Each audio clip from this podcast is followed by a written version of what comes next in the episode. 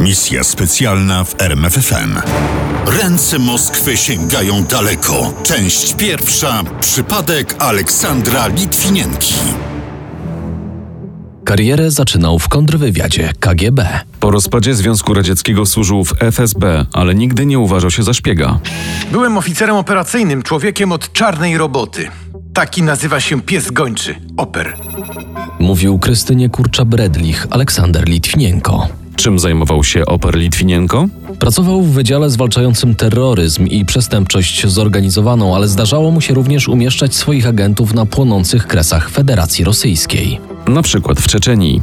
W 1994 roku musiał wyjaśnić zagadkę nieudanego zamachu na Borysa Bieryzowskiego. Wtedy się poznali, ale dopiero cztery lata później ta znajomość odbiła się głośnym politycznym echem w Rosji. We wtorek 17 listopada 1998 roku na konferencji prasowej w Moskwie wystąpił Aleksander Litwinienko w towarzystwie czterech oficerów FSB. Wyżsi oficerowie FSB byli zamieszani w spisek mający na celu zabicie Borysa Bierezowskiego, sekretarza wykonawczego Wspólnoty Niepodległych Państw. Padło potem kilka nazwisk. I cała Rosja dowiedziała się, że zlecenie zabicia Bieryzowskiego miał wydać zastępca szefa Wydziału do Spraw Zwalczania Przestępczości Zorganizowanej Aleksander Kamysznikow. Nie mogło się to jednak odbyć bez zgody kierownika wydziału Jewgenija Chochołkowa. Według dobrze potwierdzonej w wielu opracowaniach informacji Bieryzowskiego miał zabić Litwinienko. Dlaczego on? Ponieważ znał Bierezowskiego najlepiej. Ale Litwinienko nie zamierzał wykonać tego rozkazu. Tak jak i nie kwapili się do tego jego koledzy z firmy. Jak się zresztą okazało, kilka minut później Bierezowski nie był jedynym celem FSB.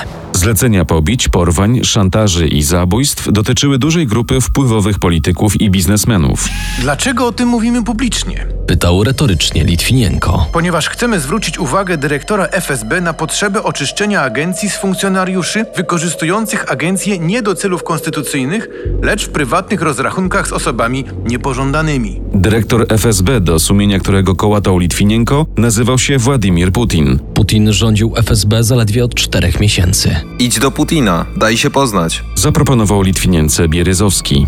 Zobacz, jakiego wspaniałego faceta zainstalowaliśmy z Twoją pomocą. Litwinienko posłuchał rady Bieryzowskiego. Poszedł akurat w dniu nominacji nowego zwierzchnika, 25 lipca 1998 roku. Na spotkaniu opowiadał głównie o korupcji w FSB, czym nie zainteresował Putina i nie zjednał sobie jego sympatii. Prowadzę śledztwo w sprawie uzbeckich baronów narkotykowych. Do czego doszedłem? Otóż odkryłem, że wszyscy oni mają kryszę w FSB. Co pan na to? Ale Putin nie wykazał zainteresowania tą sprawą. Przestrzegał przed wysuwaniem pochopnych wniosków i nakazywał ostrożność. Cztery miesiące później Litwinienko zrozumiał, że Putin opóźnia śledztwo. W jego oczach widziałem, że mnie nienawidzi. Tak został wrogiem Putina, nie pierwszym i nie ostatnim. Kiedy tylko echo listopadowej konferencji prasowej dotarło do Putina, ten zdymisjonował Litwinienkę. Zwolniłem Litwinienkę i rozwiązałem jego jedynostkę, bo funkcjonariusze FSB nie powinni organizować konferencji prasowych. To nie jest ich praca i nie powinni upubliczniać wewnętrznych skandali. Czemu Putin zareagował tak, wydawałoby się nielogicznie? Przecież jemu, dyrektorowi FSB, powinno zależeć na sprawnym funkcjonowaniu rosyjskich służb bezpieczeństwa. A może sam Putin brał czynny udział w tym brudnym procederze? Litwinienko szybko zorientował się, że, jak to mówił, kryminalna sieć rozciągała się od prowincjonalnego posterunku milicji aż po szczyty FSB i sam Kreml. Jak to się zaczęło? Najpierw krysze, czyli ochronę, zapewniały gangi, potem milicja, a wkrótce w tym całym bałaganie zorientowali się nasi ludzie z FSB. I tak zaczęła się rywalizacja o udział w rynku między gangsterami, milicją i FSB. Gdy milicja i FSB stały się bardziej konkurencyjne, wypchnęły gangi z rynku. Jednak w wielu przypadkach konkurencja ustąpiła miejsca współpracy, a służby same stały się gangsterami. Szczegóły tych zależności Litwinienko poznał bardzo dobrze i przedstawił je Putinowi podczas wspomnianego już spotkania z 25 lipca 1998 roku. Putin patrzył na wielki arkusz papieru, na którym wypisano nazwy organizacji przestępczych i strzałki prowadzące do ludzi na wysokich stanowiskach państwowych, również w FSB, ale nie tylko. Bo były również strzałki prowadzące do firm prywatnych, które zajmowały się praniem brudnych pieniędzy. Putin patrzył na ten plan zaledwie przez trzy minuty. Robił wrażenie człowieka zupełnie niezorientowanego. Zadał kilka zdawkowych pytań i więcej się tym nie interesował. Litwinienko był zdegustowany. O wrażeniach z rozmowy z dyrektorem Putinem napisał w książce Przestępcy z Łubianki. Putin przypominał wiejskiego sekretarza partii, który niespodziewanie przeniesiony do huty na widok wielkiego pieca zadaje pytanie: Co to? Chyba udawał, że nie rozumie, o co tu chodzi. Tak, chyba rzeczywiście udawał, skoro zaraz po wyjściu Litwinienki puścił za nim obserwację. Aleksander Litwinienko nie ufał Putinowi.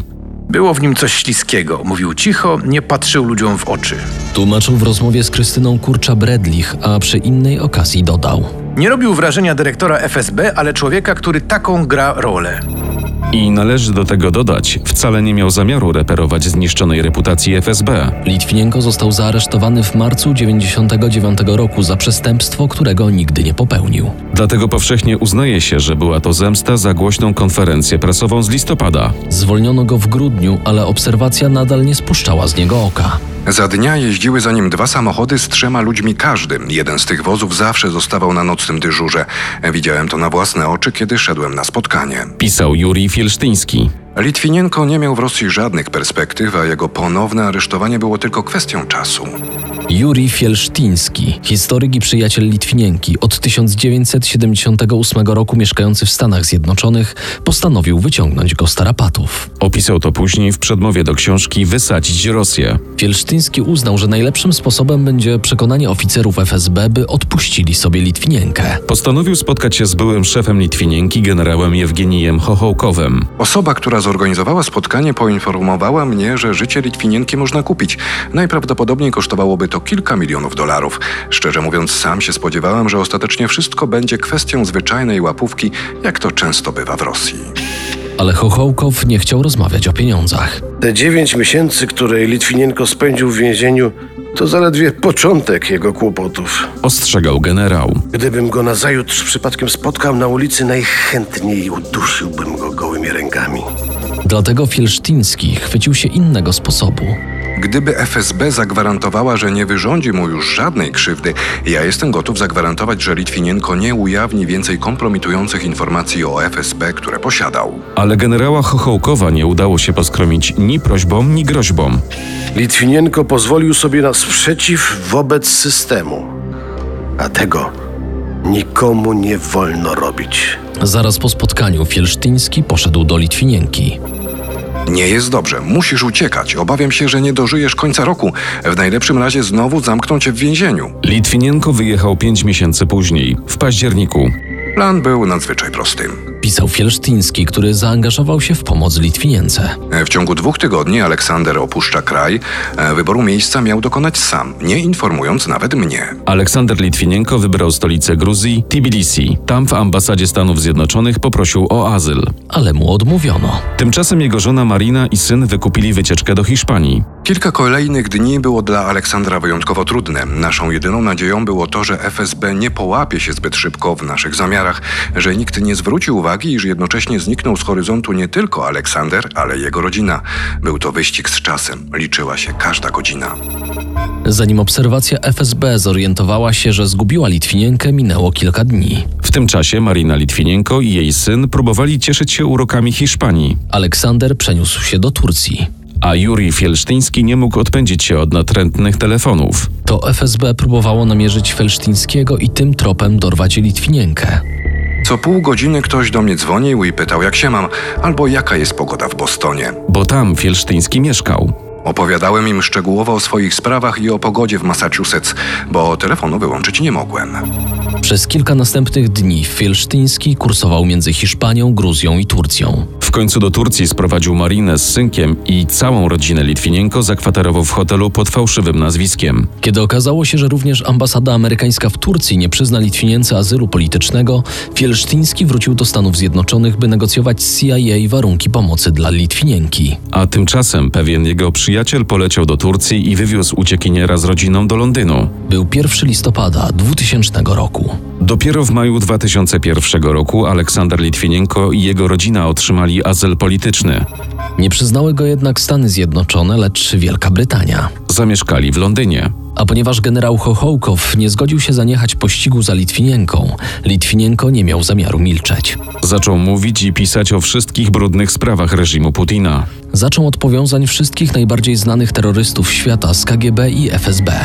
Centrum światowego terroryzmu nie znajduje się w Iraku, Iranie, Afganistanie czy Czeczeńskiej Republice. Mówił Litwinienko. Infekcja terroryzmem wkrada się na cały świat z gabinetów Łubianki i Kremla. Mówił o zamachu w londyńskim metrze, O zabójstwie premiera Armenii. o zamachach bombowych w Moskwie i innych miastach Rosji, jako o akcjach spod szyldu FSB lub GRU. W 2002 roku doczekał się zaocznego wyroku sądowego. A Litwinienko mówił dalej. Dwóch czeczeńskich terrorystów zaangażowanych w oblężenie moskiewskiego teatru na Dubrowce w 2002 roku pracowało dla FSB. Z FSB mieli również powiązania terroryści, którzy 1 września 2004 roku zaatakowali szkołę w Biesłanie. Dlaczego tak uważam? Ponieważ wiem, że kilku terrorystów biorących udział w ataku na szkołę zwolniono z aresztu FSB parę dni wcześniej. FSB nikogo nie puszcza tak po prostu, więc nawet jeśli nie zlecono im konkretnego zadania, to obserwowano ich na tyle dobrze, że wywiad musiał wiedzieć o planowanym zamachu. Ale prawdziwa bomba medialna wybuchła w lipcu 2005 roku, kiedy w wywiadzie dla Rzeczpospolitej Litwinienko zdradził powiązania FSB i Al-Kaidy. W 1997 przez pół roku FSB szkoliła w Dagestanie Aymana al-Zawahariego. Te rewelacje potwierdził oficer KGB.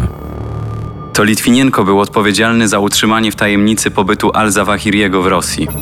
Po szkoleniu Al-Zawahiriego wysłano do Afganistanu, gdzie zresztą nigdy wcześniej nie był. Szybko jednak zaklimatyzował się w nowym miejscu i zgodnie z instrukcją FSB wniknął w środowisko Osamy Bin Ladena i został jego asystentem. Te wszystkie rewelacje Litwinienki mają potwierdzenie w szeroko pojętych mediach i literaturze. Niestety brak jak na razie twardych dowodów wyciągniętych z archiwów FSB. I prawdopodobnie nigdy się ich nie doczekamy, bo FSB pilnie strzeże swoich skarbów, zwłaszcza po lekcji otrzymanej od Wasilija Mitrochina. W połowie października 2006 roku Aleksander Litwinienko oskarżył Władimira Putina o zlecenie zabójstwa rosyjskiej dziennikarki Anny Politkowskiej. Dwa tygodnie później, 1 listopada 2006 roku, Litwinienko spotkał się z dwoma byłymi agentami FSB, Dmitrijem Kowtunem i Andriejem Ługowojem. Jedli kolację w Pine Bar w hotelu Millennium. Po powrocie do domu Litwinienko bardzo źle się czuł.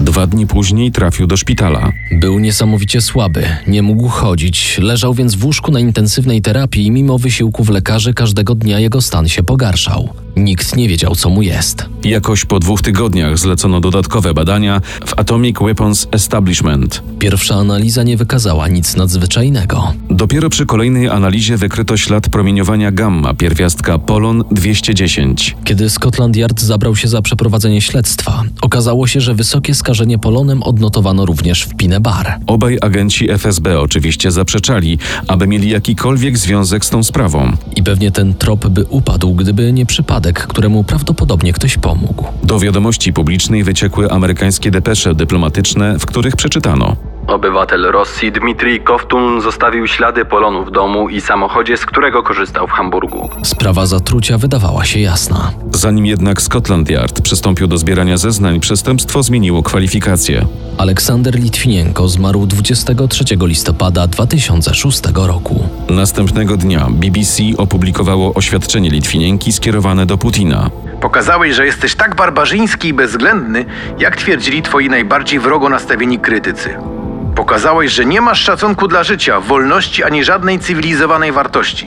Pokazałeś, że jesteś niegodny swego urzędu, niegodny zaufania cywilizowanych ludzi. Niech Bóg wybaczy ci to, co zrobiłeś, nie tylko mnie, ale i kochanej Rosji i jej mieszkańcom. A już za tydzień część druga serii Ręce Moskwy sięgają daleko. Przypadek Siergieja Skripala. Misja specjalna w RMFFM. Na tropie największych tajemnic historii.